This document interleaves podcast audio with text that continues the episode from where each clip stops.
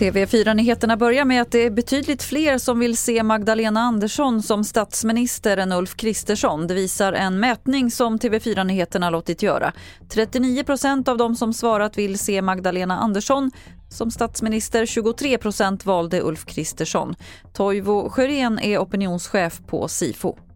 Det är en skillnad som vi har sett tidigare också när det gäller förtroendet, inte minst efter pandemin och det ryska anfallet på Ukraina så steg då förtroendet för regeringschefen.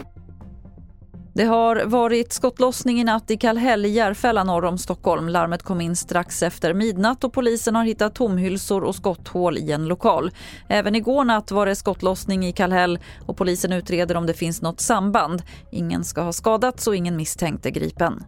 Och till sist kan vi berätta att en tandläkare i Kronoberg har varit grovt oskicklig i sin yrkesutövning. Det tycker Inspektionen för vård och omsorg.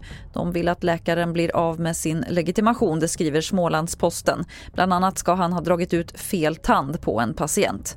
Fler nyheter hittar du på tv4.se. Jag heter Lotta Wall.